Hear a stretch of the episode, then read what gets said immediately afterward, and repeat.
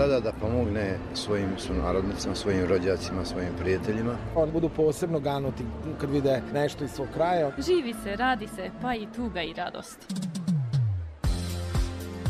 O iskustvima i postignućima naših državljana na privremenom radu u inostranstvu. Emisija Naši u svetu. Dijaspora poziva Maticu, Matica odgovara dijaspori.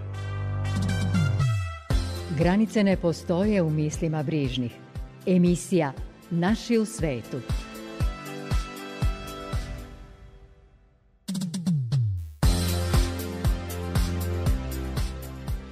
Dobroveče i dobrodošli u emisiju koja neguje veze matice i rasejanja. U narednih 40 minuta sa nama će biti Stevana Novaković koji je došao u rodni Novi Sad iz Amerike. Njega je talenat za balet odveo na drugi kontinent gde je bio i tamošnji ambasador kulture. Čućemo njegovu životnu priču. Sa nama će večeras biti i kolege iz emisije Večeras zajedno Radio Beograda 1 sa svojim zapisom iz naše redovne razmene priloga o dijaspori, a i kolege iz srpske redakcije Makedonskog radija zabeležile su gostovanje naših umetnika u Skoplju, pa ćemo čuti i tu priču. Sa vama su za tonskim pultom Agneš Ćurčija, a pred mikrofonom Goran Pavlović.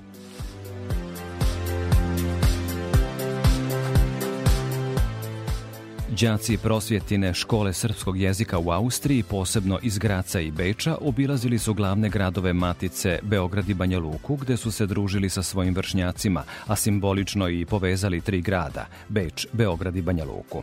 Za decu je bio organizovan bogat vaspitno-obrazovni program. Tokom obilaska Banja Luke održavao se i Dečiji sabor u Beogradu, koji je okupio mališane našeg porekla iz mnogih evropskih država i priredio im edukativni i kulturno-umetni umetnički program. Prosjetine škole srpskog jezika u Austriji ove godine proslavljaju 10 godina postojanja i trenutno broje oko 1000 đaka u više od 30 škola u svim austrijskim pokrajinama.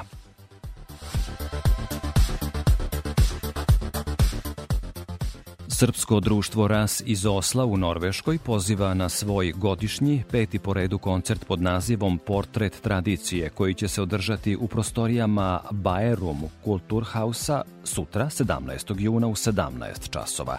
Posetioce, kako su naveli organizatori, očekuje nezaboravno folklorno veče.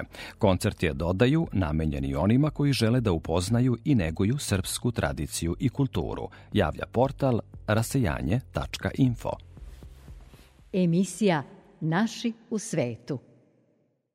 U Americi se nalazi veliki broj sunarodnika koji su emigrirali iz ekonomskih razloga. Mnogi su otišli na školovanje na tamošnje univerzitete i potom sa diplomom pronašli posao koji ih je i zadržao u Americi.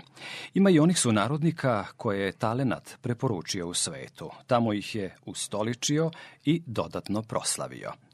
Sa jednim takvim sunarodnikom razgovaram u emisiji Naši u svetu. Sa nama je Stevan Novaković, novosađanin koji dugo živi u Americi. Stevane, dobrodošli u rodni Novi Sad, dobrodošli u RTV. Puno hvala. Nekada gimnastičar, folkloraš, potom i baletan u Novom Sadu, upravo vas je talenat za balet odveo na drugi kontinent. No, Prisetimo se prvo kako ste uopšte ušli u taj svet umetnosti u svojoj 17. godini ovde u Novom Sadu. Da, to je interesantna priča. Ja dolazim iz porodice koja je bila jako fizički aktivna. Um, moji mama i tata a pokojni otac su bili gimnastičari ovde u bivšoj Jugoslaviji i tate bio trener gimnastike u bivšem Partizanu koji se sad zove kao Sokolsko društvo. I tako da sam i od malih nogu počeo sa gimnastikom naravno i onda sam nastavio a, kao sa, sa šest i po godina već sam bio a, solista u, kud, u a, kudu Svetozar Marković. I onda nakon toga sam počeo da onako sam po sebi a, igram i, i, i onako istražujem neke pokretne ovaj veštine i tako sam jednog dana bio pronađen od strane baletske škole ovde u Novom Sadu. A kako se dogodila Amerika? Tamo ste dobili stipendiju, ako se ne varam, i od tada je ta Amerika kojom ste, kako ste rekli, bili opčinjeni kao dete, postala vaša životna destinacija, evo 30 godina. Da, to je isto interesantna priča. Ja sam od malih nogu uvek imao neku potrebu da istražujem uh, druge svetove, druge kulture, tako da sam ja od malih nogu uvek maštao o tome da odem u Ameriku i da isprobam taj sistem, a pogotovo ovaj sistem a, edukacije i umetnosti i tako da sam ja sa samo negde 17-18 godina 1992. A, sam otišao za Ameriku. No, pre nego što malo porazgovaramo o tome kako ste napredovali u Americi, čime ste se sve bavili, a puno je zanimanja koje ćemo pomenuti tokom ovog razgovora, da se prisjetimo samo kod koga ste bili ovde u baletskoj školi i e, za koje vreme ste tu baletsku školu završili. Jako je zanimljiv taj period koji ste proveli u baletskoj školi. Da, ja sam bio u klasi a, tada bivše direktorice Vere Fele i ja sam jedan od tih redkih slučajeva koji je završio četiri godine godine osnovne baletske škole za jedno 8-9 meseci, nakon čega sam bio stavljen u klasu uh, profesorice Vere Fele i pohađao sam srednju baletsku školu u Novom Sadu uh, tih tri godine. U to vreme je bilo lakše otići u inostranstvo na rad ili školovanje, ali ste tamo ipak bili stranac kada ste otišli pre 30 godina. Međutim, u jednom intervju koji smo imali u ovoj emisiji ranije, rekli ste da se u Americi osjećate kao kod kuće. Šta je doprinelo da se tako osjećate tamo? Pa mislim da je američko društvo tako društvo koje je tradicionalno uvek bilo otvoreno ka imigrantima. Um, I ono što, mi, što me uvek privlačilo Americi je da um, ta, e, to društvo te uvek prihvati od početka. Recimo, ja sam imao prilike da odem u to vreme u Nemačku i u Francusku i moji a, baba i deda sa tatine strane su stvari živali u Nemačkoj i Francuskoj celog života i nekog ja sam osjećao da u američkom društvu nikad neću biti gledan kao neki gastajbajter, nego da ako se dokažem svojim znanjem i profesijom da ću postati deo tog društva. Tako da ja nikad se nisam osjećao u Americi barem kao da sam neka druga, treća klasa a, država državljanina, nego sam se uvijek osjećao baš bukvalno ono kao kod kuće. da li možemo ukratko da kažemo da se vama onaj često pominjani u javnosti američki san zapravo i ostvario? Pa mislim da bi rekao da, definitivno. u Americi ste se doškolovali da biste mogli kasnije da predajete na tamošnjem univerzitetu. U kojoj ste obrazovnoj ustanovi radili i kako vas je taj rad na sebi menjao kroz vreme tokom ove tri decenije? Da, ja sam u stvari otišao u Ameriku a, a, i pohađao sam jedan čuveni institut u Americi, konzervatorijum, i nakon tri dana pohađanja tog konzervatorijuma meni su ponudili a, potpunu stipendiju na jednom univerzitetu, University of Utah, a, koji je inače bio jedan od najboljih univerziteta za, za program baleta. I nakon kad su mi to ponudili tu a, a, stipendiju, ja sam odlučio da pohađam taj univerzitet, tako sam tamo završio četiri godine, a nakon toga sam završio mastere i počeo doktorat na a, a, California State University Long Beach, gde sam završio master u pedagogiji. Sarađivali ste sa mnogo čuvenih koreografa u svetu, takođe ste nastupali na mnogim svetskim pozornicama kao baletan koje biste ličnosti i destinacije iz svoje baletske karijere izdvojili? Onako ukratko, da, kako ukratko. je to moguće?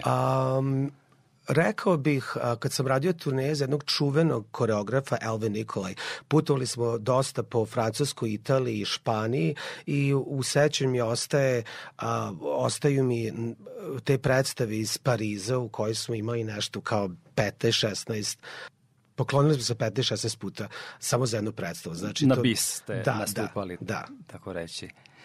Od 2015. godine ste radili kako ste to pominjali u jednom intervju sa veterinarima u Americi, pomažući im da se izbore sa nagomilanim stresom na poslu. Kako ste uopšte stekli kvalifikacije za rad na tom polju? Verujem da vas je e, univerzalni talent za rad sa ljudima spojio sa tim drugim ljudima. Da, definitivno se slažem a, sa vama što se toga tiče. A, pa evo, to je recimo a, primer gde Amerika je stvarno izuzetna zemlja, da ako imate neke talente i želje, možete da ostvarite nešto novo. A, ja sam inače a, budista i, i radim jogu privatno kao spiritualnu i fizičku praktiku Tako da oni su u stvari prišli mene, državna organizacija za veterinare i rekli su mi da imaju najveći problem a, u, u tome što od svih profesionalnih a, stvari koje rade, oni imaju najveći procenat samobistva u svojoj struci i onda su mi prišli da vide šta bi mogli da uradimo da im pomogne oko toga. I tako su me pozvali i ja sam probao negde oko tri po godine istraživajući i radeći sa veterinarima, pomagajući im kako da rade na svojim umu, stresti, kako da rade a, sa nervozom na poslu i tako tim nekim stvarima koje su uticale na negativan a, neki radni, neke negativne radne uslove za njih. Što se tiče vašeg angažmana u Americi, govorili smo o tome da ste e, bili baletan u Americi, dakle na onim umetničkim daskama. Potom ste balet kao profesor i predavali na tamošnjem univerzitetu. Onda dolazimo do joge koju pominjete, pa mi mm. sada nije jasno e, kako ste se obreli u, u tom sad poslu poslu, jeste li za jogu morali da pohađate takođe neke škole u Americi? Da, um, um, mnogi beletani igrači uh, uh, rade jogu, kao recimo uh, da komplementuju trening koji radimo uh, u, toku baletskog uh, života. Tako da sam ja počeo da radim jogu i na kraju sam završio s time što sam dobio kvalifikacije uh, preko internacionalne, internacionalne federacije za jogu. Ja sam inače ovaj, kvalifiku da predajem osam stilova joge i onda me tako to neko, nekako odvelo u svet meditacije, a, tehnike svesnosti i tih stvari koje se radio sa veterinarima. Da li to znači da ste onda prestali praktično da budete profesor za balet? Ne, čak naprotiv, evo ja sam završio još jednu godinu predavanja a, na univerzitetu u Juti, a, gde sam predavao puno radno vreme. Vi ste, Stevane, nakon više od tri decenije u Americi danas uspešni preduzetnik, imate i sobstvenu kompaniju za rad sa ljudima, bavili ste se i prodajom nekretnina, ali ste bili i kulturni ambasador Američkog State Departmenta. No, o tome ćemo u nastavku emisije nakon kraće pauze.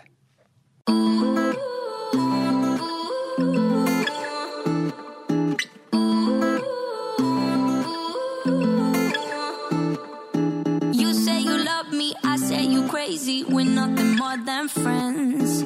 You're not my lover, more like a brother. I know you since we were like 10. Yeah, don't mess it up, talking that shit. Only gonna push me away, that's it. When you say you love me, that made me crazy. Here we go again. Don't go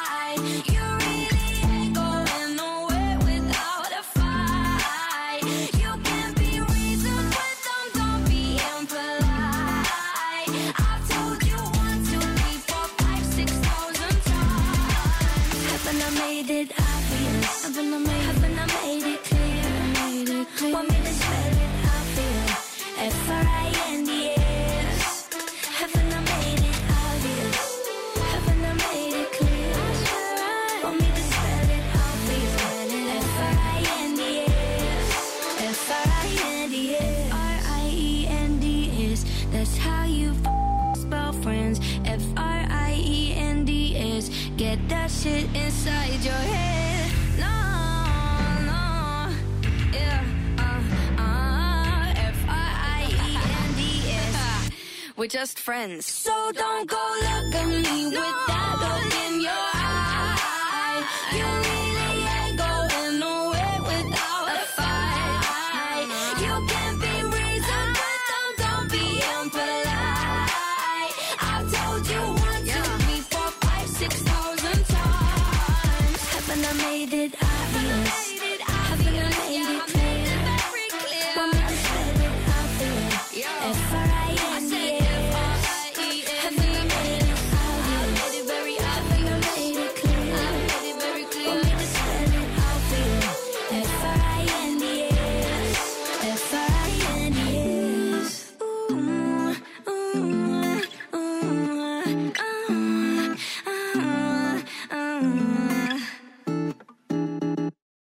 Emisija Naši u svetu. U emisiji Naši u svetu nastavljam razgovor sa sunarodnikom Stevanom Novakovićem, koji je iz Amerike, gde živi duže od 30 godina, došao u radio-televiziju Vojvodine da podeli svoju životnu i profesionalnu biografiju sa našim slušaocima.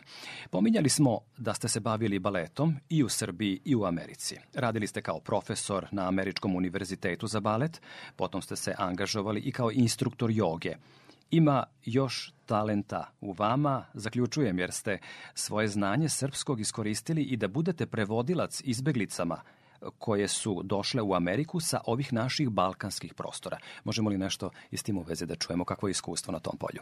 Da, naravno. A ja sam u to vreme pohađao fakultet u Salt Lake City u državi Utah I to je bilo negde oko 92. 93. u toku rata u bivšoj Jugoslaviji i u igrom slučaja naravno mi smo imali dosta izbeglica u toj državi i ja sam volontirao da pomažem kao prevodioc a, familijama koje su dolazile tamo.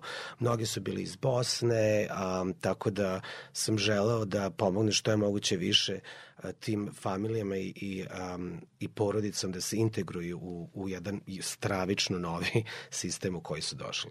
Dakle, bili ste tamo pri imigracionoj službi, ako mogu da zaključim. Kako vam se čini američko društvo u tom smislu? Kažete da prihvataju uh, narod iz celog sveta, uh, da im nije bitno poreklo, nacija i tako dalje, ali u tom trenutku kada dolazi do velikog priliva imigranata u Ameriku, kako se ona ponese prema tim ljudima. Pa da vam kažem nešto... Mislim, koji je vaš utisak prosto? Da, moj utisak je do sada bio jako pozdan. Znam da sad u Americi a, trenutno imamo velikih problema što se tiče Teksasa i, i te granice a, sa Meksikom, ali generalno a, u Americi ćete vidjeti da svake godine negde oko, ne znam, 10.000 političkih azila i državljanstva se daju a, stranim državljanima, a, u imigrantima u stvari, tako da mislim da je Amerika uvijek bila pozitivna što se toga tiče. A, moje iskustvo je bilo da čak i sa tim a, imigrantima u toku rata, oni su se stvarno integrovali jako dobro u to društvo. A, imam mnogo puno prijatelja koji, koji su došli sa roditeljima, braćom i sestrom i mogu da kažem da, da lepo žive, da se osjećaju kao deo a, a, tog društva i naravno postoji dosta a, druženja sa našim ljudima u, u inostranstvu, tako da imaju taj dodatan a, efekt koji im pomaže da se integruju u Ameriku. Verujem da je Amerika od njih očekivala da naravno nauče engleski jezik bez obzira iz kog kraja sveta dolaze, a da li su svi ljudi koji su dolazili iz različitih krajeva sveta mogli da zadrže svoju kulturu i tradiciju? Na tim prostorima. Kako američko društvo gleda na to? Pitam to i zbog naših ljudi koji tamo odlaze. Do duše e, čujem pozitivna iskustva. Kako je vaše iskustvo i vaše zapažanje u tom smislu? Jer ste pratili i e, ljude iz drugih delova sveta kako se integrišu, jer ste i sami rekli da ste radili kao prevodilac. Da. Pa da vam kažem, u Americi nema nacionalna neka religija, recimo, ili crkva koja je dominantna. Znači ima, imate katoličku crkvu, imate pravoslavnu crkvu, čak naprotiv u zadnje vrijeme ima jako puno srpskih pravoslavnih crkava po celoj Americi, a i sada vidimo mnoge ono Serbian Fest, a, srpske festivale i mnogo ljudi po celoj Americi u stvari ide iz jedne države u drugu. Tako da mislim da nije teško da se zadrži ta neka lična kultura a, koju mi donesemo sa sobom u bilo koju zemlju, pogotovo u Ameriku.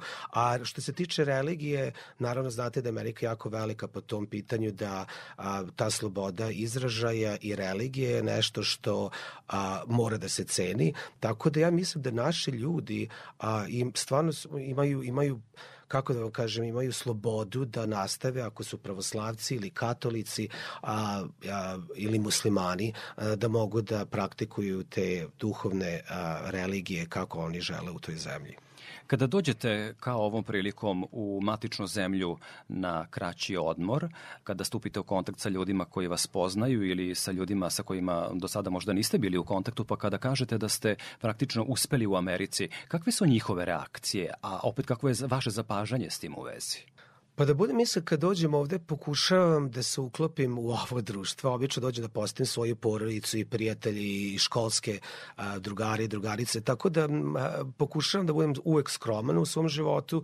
A, nikada ne stavljam neki svoj rezime ili CV ispred sebe, ali imam uvek potrebu da nešto vratim nazad ovom društvu. Tako da svaki put kad dođem, ja odem uvek prvo u baletsku školu. Evo sad sam baš a, po, a, bio tamo i a, pohađao sam završni ispit ispite u baletskoj školi u savremenom smeru i klasičnom smeru, tako da uvijek odem na časove, pozvan sam da im pomognem i da im dam neke tako eto pedagoške a, a, feedback a, koje bi mogli da, da primenjuju u toku školske godine. Tako da obično se time zanimam i od, naravno predajem časove joge kad je to potrebno. Tako da volim jedno se dođe ovde na godišnji odmor i da nešto podelim sa svojim narodom ovde. Da li zatičete iste nastavnike i profesore u školi u kojoj ste nekada i sami bili? Imali ih ili su uglavnom u penziji? da, pa ja znam dosta ljudi u baletskoj školi. A, evo, čak i juče. Ovde u Novom Sadu. Da, ovde da. u Novom Sadu. A, tako da čak juče ja sam video svoju učiteljicu Veru Fele, koja je baš ono u godinama i video sam nju i, i mnogi učitelji iz moje baletske, ono mojih baletskih dana. Ima novih pedagoga koji su mladi, ali većinom znam sve ljude koji su i dalje u baletskoj školi. Dolazimo do onog jednog takođe atraktivnog dela vaše radne biografije. Pominjali smo ranije tokom razgovora da ste radili i kao američki ambasador za kulturu ispred State Departmenta. Kako je došlo do tog angažmana? Verujem da se i tada za vas u svetu otvaraju nova vrata – Pa da, ja sam celog života verovao u, u tu neku moć of networking, znači uh, u tu neku moć da stalno budeš u pozitivnom kontaktu sa ljudima uh, profesionalno, društveno, privatno. Tako da ovo je o, ovaj predivan, ovo predivan iskustvo je došlo iz onako igrom slučaja. Ja sam tada radio i igrao profesionalno u Njujorku i jedan od mojih a, prijatelja koji je bio a, čuveni igrač me u stvari a, mi je dao kao preporuku u State Departmentu, tako da sam ja jednostavno nisam ni gledao za taj posao, se nekako desilo da me neko preporučio i onda sam počeo radim sa jednom kompanijom i na kraju sam završio tako što sam radio za State Department negde oko 8, 8 punih godina, tako da eto, to je recimo primjer gde ako radite pozitivno i dobro sa ljudima u, u svom području rada, um, um, mnoge stvari i mnoga vrata vam se otvore. Emisija Naši u svetu. Ako ste radili u američkom State Departmentu 8 godina, onda to svakako znači da su oni proverili vašu i privatnu i profesionalnu biografiju koju ste, verujem, opravdali. Na kojim ste sve zadacima bili i šta je ono atraktivno ili najatraktivnije što biste iz tog angažmana izdvojili? Put u koju zemlju? Koja misija? Koji kontakt? Da, ja mislim da je to jako dobro pitanje sad, posebno sad u ovim danima kada recimo uh, se suočavamo sa nekim uh, teškim globalizmom uh, koji ima tu crto eto nekog antihumanizma, tako da mislim da sada mnogo više nego ikada pre je važno da imamo te neke internacionalne programe a, u kojima jednostavno pokušavamo da sarađujemo sa drugim zemljama a, bez nekih granica, nekih političkih a, a, teškoća i mislim da je kultura to nešto što svi delimo. Znači svaka država, svako, svako društvo ima neku svoju kulturu i mislim da je sada potreba da se razumemo da te kulture a, pokazuju nama našu humanističku a, a, stranu. Dok sam ja bio radio sa recimo kraljevima i kraljicama iz Jordana i Kambodije i svega toga, koliko god da je to bilo onako fantastično za mene, moji omiljeni trenuci su bili kad sam radio sa ljudima o, iz, iz tih gradova, a, koji su bili eto, a, jednog jako lepog poni, da budem iskrenog duha i koji su bili jednostavno spremni i otvoreni da, da probaju nešto novo što možda njihovo društvo nije imalo šansu da im da do tada. A kako vam se čini i koji je vaš utisak? Da li vam se američko društvo odužilo za taj angažman tokom osam godina e, rada za njihovo ministarstvo inostranih poslova koje je poznato svuda u svetu kada se kaže američki State Department? Da. To svima nešto znači. To je prosto autoritet i organizacija koja nikog ne ostavlja ravnodušnim Tač. kada se kaže da neko ispred te institucije dolazi u neku stranu zemlju. Definitivno mi je dalo šansu da imam tu neku odskočnu ličnu dasku a, koja mi je dala autoritet, kao što ste rekli, a ne samo na papiru, nego i sa društvom i sa, u društvu i u, na, u nekim a, društvenim a, vezama koje su jako važne da bi mogao da nastaviš da budeš profesionalna osoba u Americi. Tako da a, mislim da što se toga tiče a, a, moja filozofija, životna filozofija da sve ono što mi se da a, duplo vratim nekom drugom, pogotovo nekom drugom društvu. Da li je to nešto što ste poneli iz kuće, iz matične zemlje ili je to osjećaj koji ste stekli u Americi? Šta mislite o tome?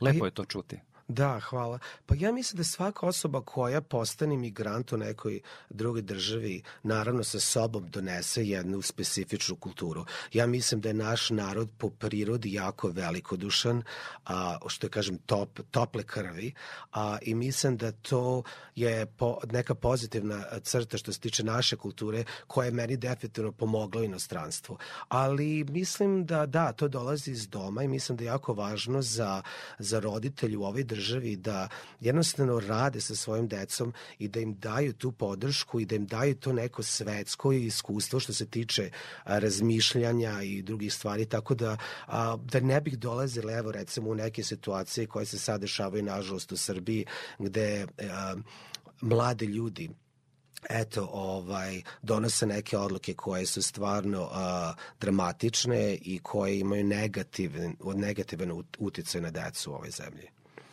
Znate da je mnogo naših školovanih ljudi otišlo u svet, eto poput vas. Sa mnogima ste bili u kontaktu kroz svoj životni put i karijeru. Jeste li razmenili razmišljanja sa njima o tome šta se umeđu vremenu menja u Srbiji u odnosu na period od pre 30 godina kada ste vi otišli i imali ideje o povratku u zemlju porekla?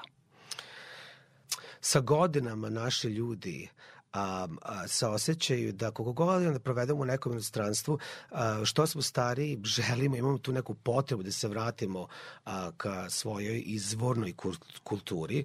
Tako da, eto, za mene u ovim godinama, evo, juče sam napunio 49 godina, a što sam stariji, imam tu potrebu a, da se vratim i da budem sa svojom porodicom, ali u istu ruku, a, nakon svih ovih godina života i rada u inostranstvu, a, za mnogi ljudi koji to žele da urade ovoj zemlji, je malo teško jer ovde nema sistema koji možda može da nam a, da se uklopimo u ovo društvo, a ja recimo sam član i pratim a, a, sve što se dešava sa, sa našim ljudima u inostranstvu, deo sam dijaspore naravno i mislim da ima jedna jako dobra organizacija, zove se Tačka povratka, koja Tako stvarno je. pokušava da, da pomogne ljudima koji žele da se vrate. Tako da mislim ono što se menja je ta potreba da se vraćamo, ali bih želeo da vidim malo više promene što se tiče ovog društva ovde, da, nas, da nam pomogne da se uklopimo i da, bu, da imamo tu slobodu da damo nešto ove zemlje nazad, a, a da ne budemo ocenjivani kao da recimo želimo da ugrožimo poslove ili potencijale drugih ljudi ovde već koji žive i rade. Ovde ste u Novom Sadu. Šta ste stigli da obavite? Šta je ono što vas preokupira dok ste na odmoru i da li se čovek vaše bogate radne biografije i talenta uopšte odmara? Pa Do sada bi rekao ne.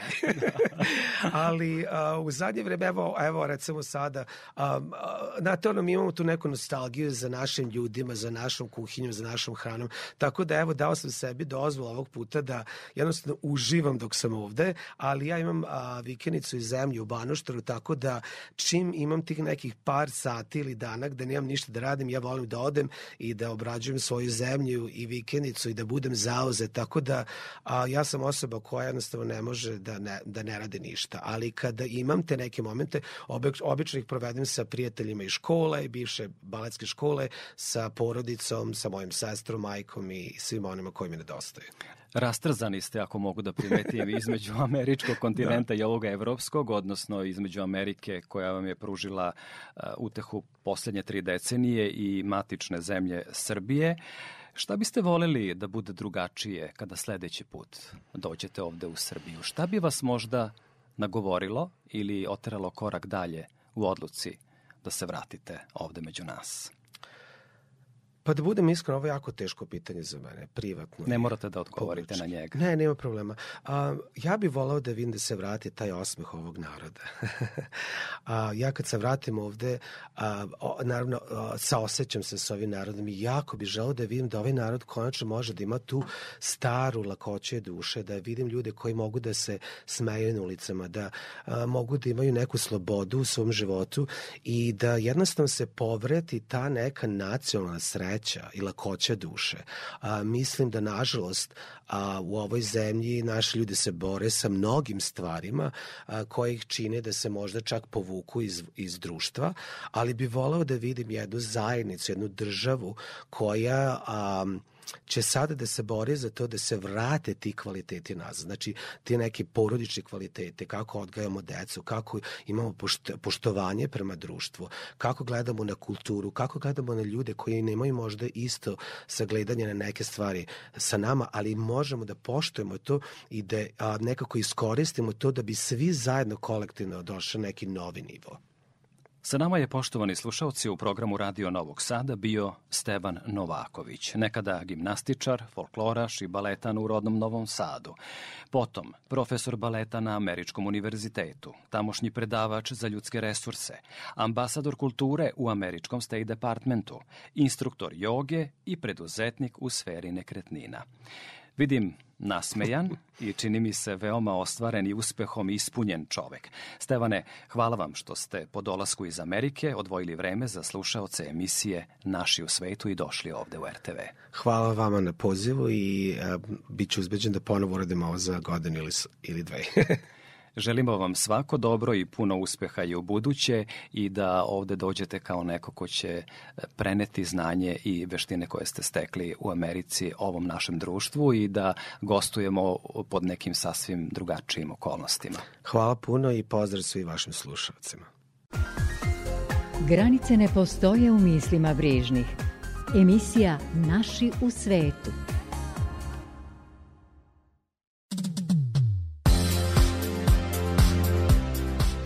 Humanitarna organizacija Srbi za Srbe pruža pomoć za socijalno ugrožene porodice i zajednice širom Balkana. Donatori su, osim iz Matice Srbije, i mnogi su narodnici iz rasejanja. U Beogradu je 13. juna održano donatorsko veče posvećeno izgradnji dve kuće za dve porodice sa Kosova i Metohije, kao i opremanje proizvodnog pogona u sklopu narodne kuhinje u ukupnoj vrednosti od 100.000 evra. Donatorsko veče biće održano i u Čačku 20. juna.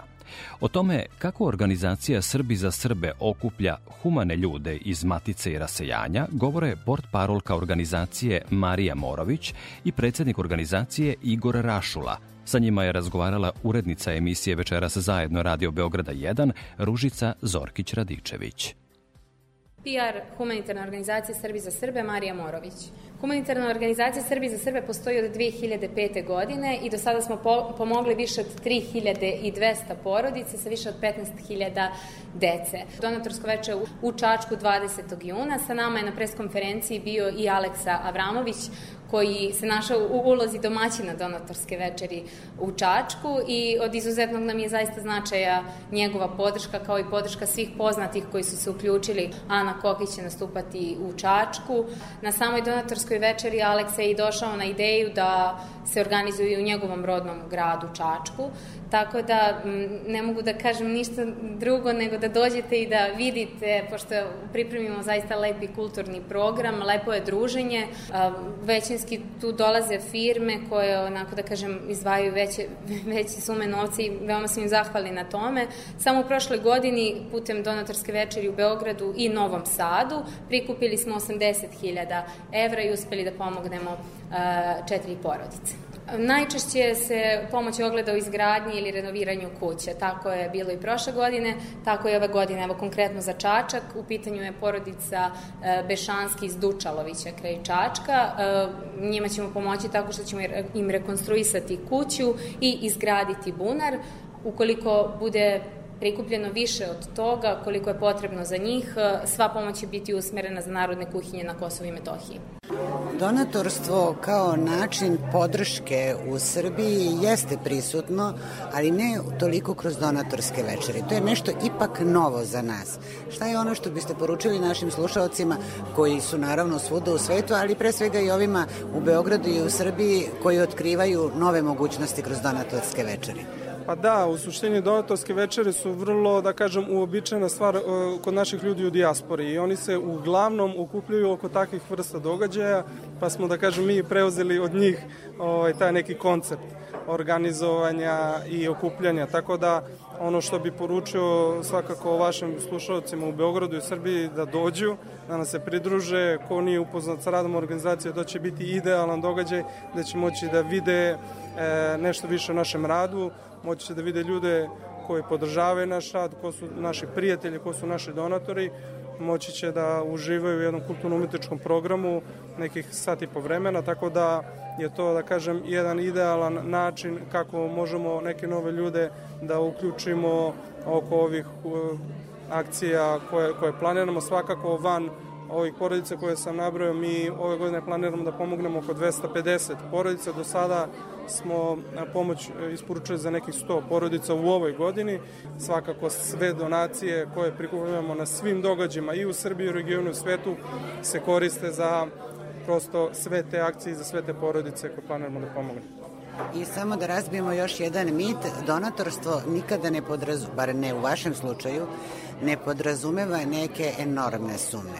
Oni koji možda ne mogu da dođu na donatorsku večeru, a žele da se priključe, da doniraju, kako to mogu da urade?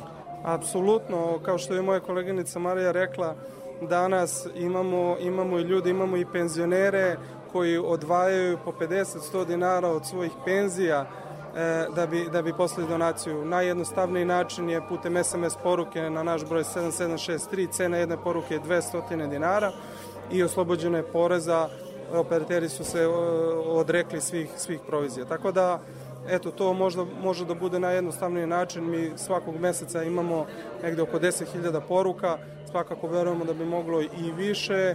Svesni smo da ima i jako puno bolesne dece e, i da se za njihove potrebe najviše prikuplja kroz SMS poruke, pa eto, trudimo se da možda ne budemo toliko nametljivi jer svakako i pored ovih naših akcija koje mi sprovodimo u cilju interesu nam je da se pomogne što više dece i prosto za sve druge organizacije da ima i da se, da se e, to donatorstvo u našem narodu podigne na još veći nivo, on je, ono je, mislim, na jednom solidnom nivou, za razliku, na primjer, u period pre 10 godina, ali verujem i znam da može da bude još bolje i još više. U Severnoj Makedoniji su održane 51. majske svečanosti koje su okupile umetnike iz regiona. U okviru procesa Otvoreni Balkan između Srbije i Severne Makedonije potpisan je memorandum o saradnji operskih kuća. Jedna od učesnica na operskim večerima na sceni nacionalne opere i baleta u Skoplju bila je i umetnica Marija Jelić koja ima internacionalnu karijeru. Svoje utiske naša operska diva razmenila je sa koleginicom Jelenom Malenkovom iz srpske redakcije Makedonskog radija.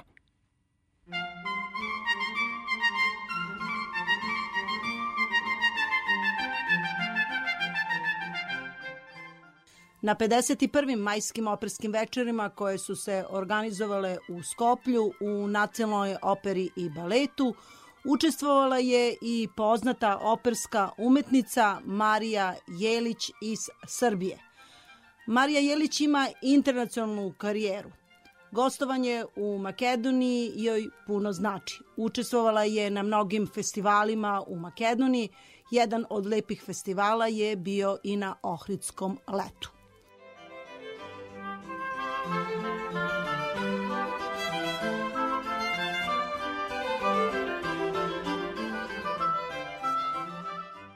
Ovo je festival koji ima jako dugu tradiciju i to je zaista za svako poštovanje. Vrlo mi je drago što e, kod e, vas u državi u Severnoj Makedoniji postoji ne samo majske operske večeri, već i Ohridsko leto sa tako dugim izražajnim tradicijama gde zaista možete da vidite jako dobre umetnike koji ovde nastupaju godinama.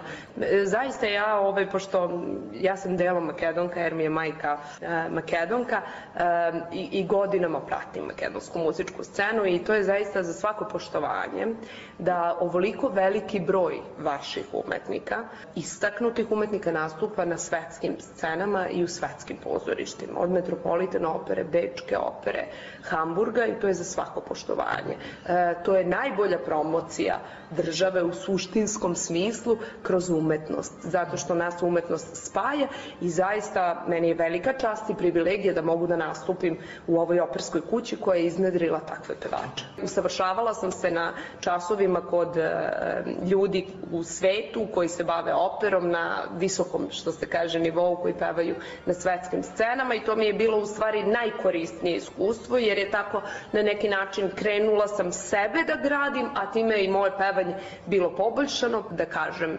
položila e, audiciju u e, Narodnom pozorištu u operskom studiju i krenula da pohađam operski studij u Narodnom pozorištu u Beogradu i tako su krenule, da kažem, moje prve koraci na sceni. Eto, sada, da kažem, sa svojih 30 godina imam iza sebe puno nastupa u inostranstvu, od Rusije, Kine, Azerbejdžana, Izraela, gde sam pevala Boeme e, na Jerusalimskom operskom festivalu, zatim e, Nemačka, e, Italija, Amerika, moj debi u, u Njurškom Carnegie Hallu, Argentina isto. Tako da, ovaj, nekako, da kažem sada već, sam bila u Sofiji, imala sam koncert sa Sofijskom filharmonijom. Takođe, pevala sam u Beogradu sa Placidom Domingom pre dve godine, zatim na Ljubljanskom festivalu u operi Carmen, ja sam bila Mikaela, sopranska uloga, Carmen je bila fenomenalna, Elina Garanča. U Letoniji sam pevala, evo to sam zaboravila, Estoni. Ovaj, e, recital u Carnegie Hallu za svakog umetnika predstavlja, da kažem, jedno posebno iskustvo, posebnu energiju.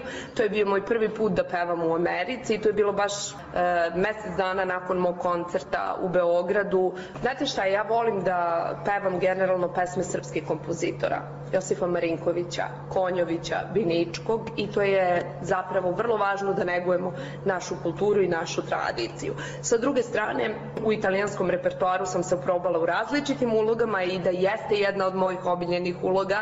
Jako je se radujem kad je pevam, poslednji put sam je pevala ove godine u Kairu i zaista uživam svaki put kad sam na sceni i kad sam okružena divnim kolegama.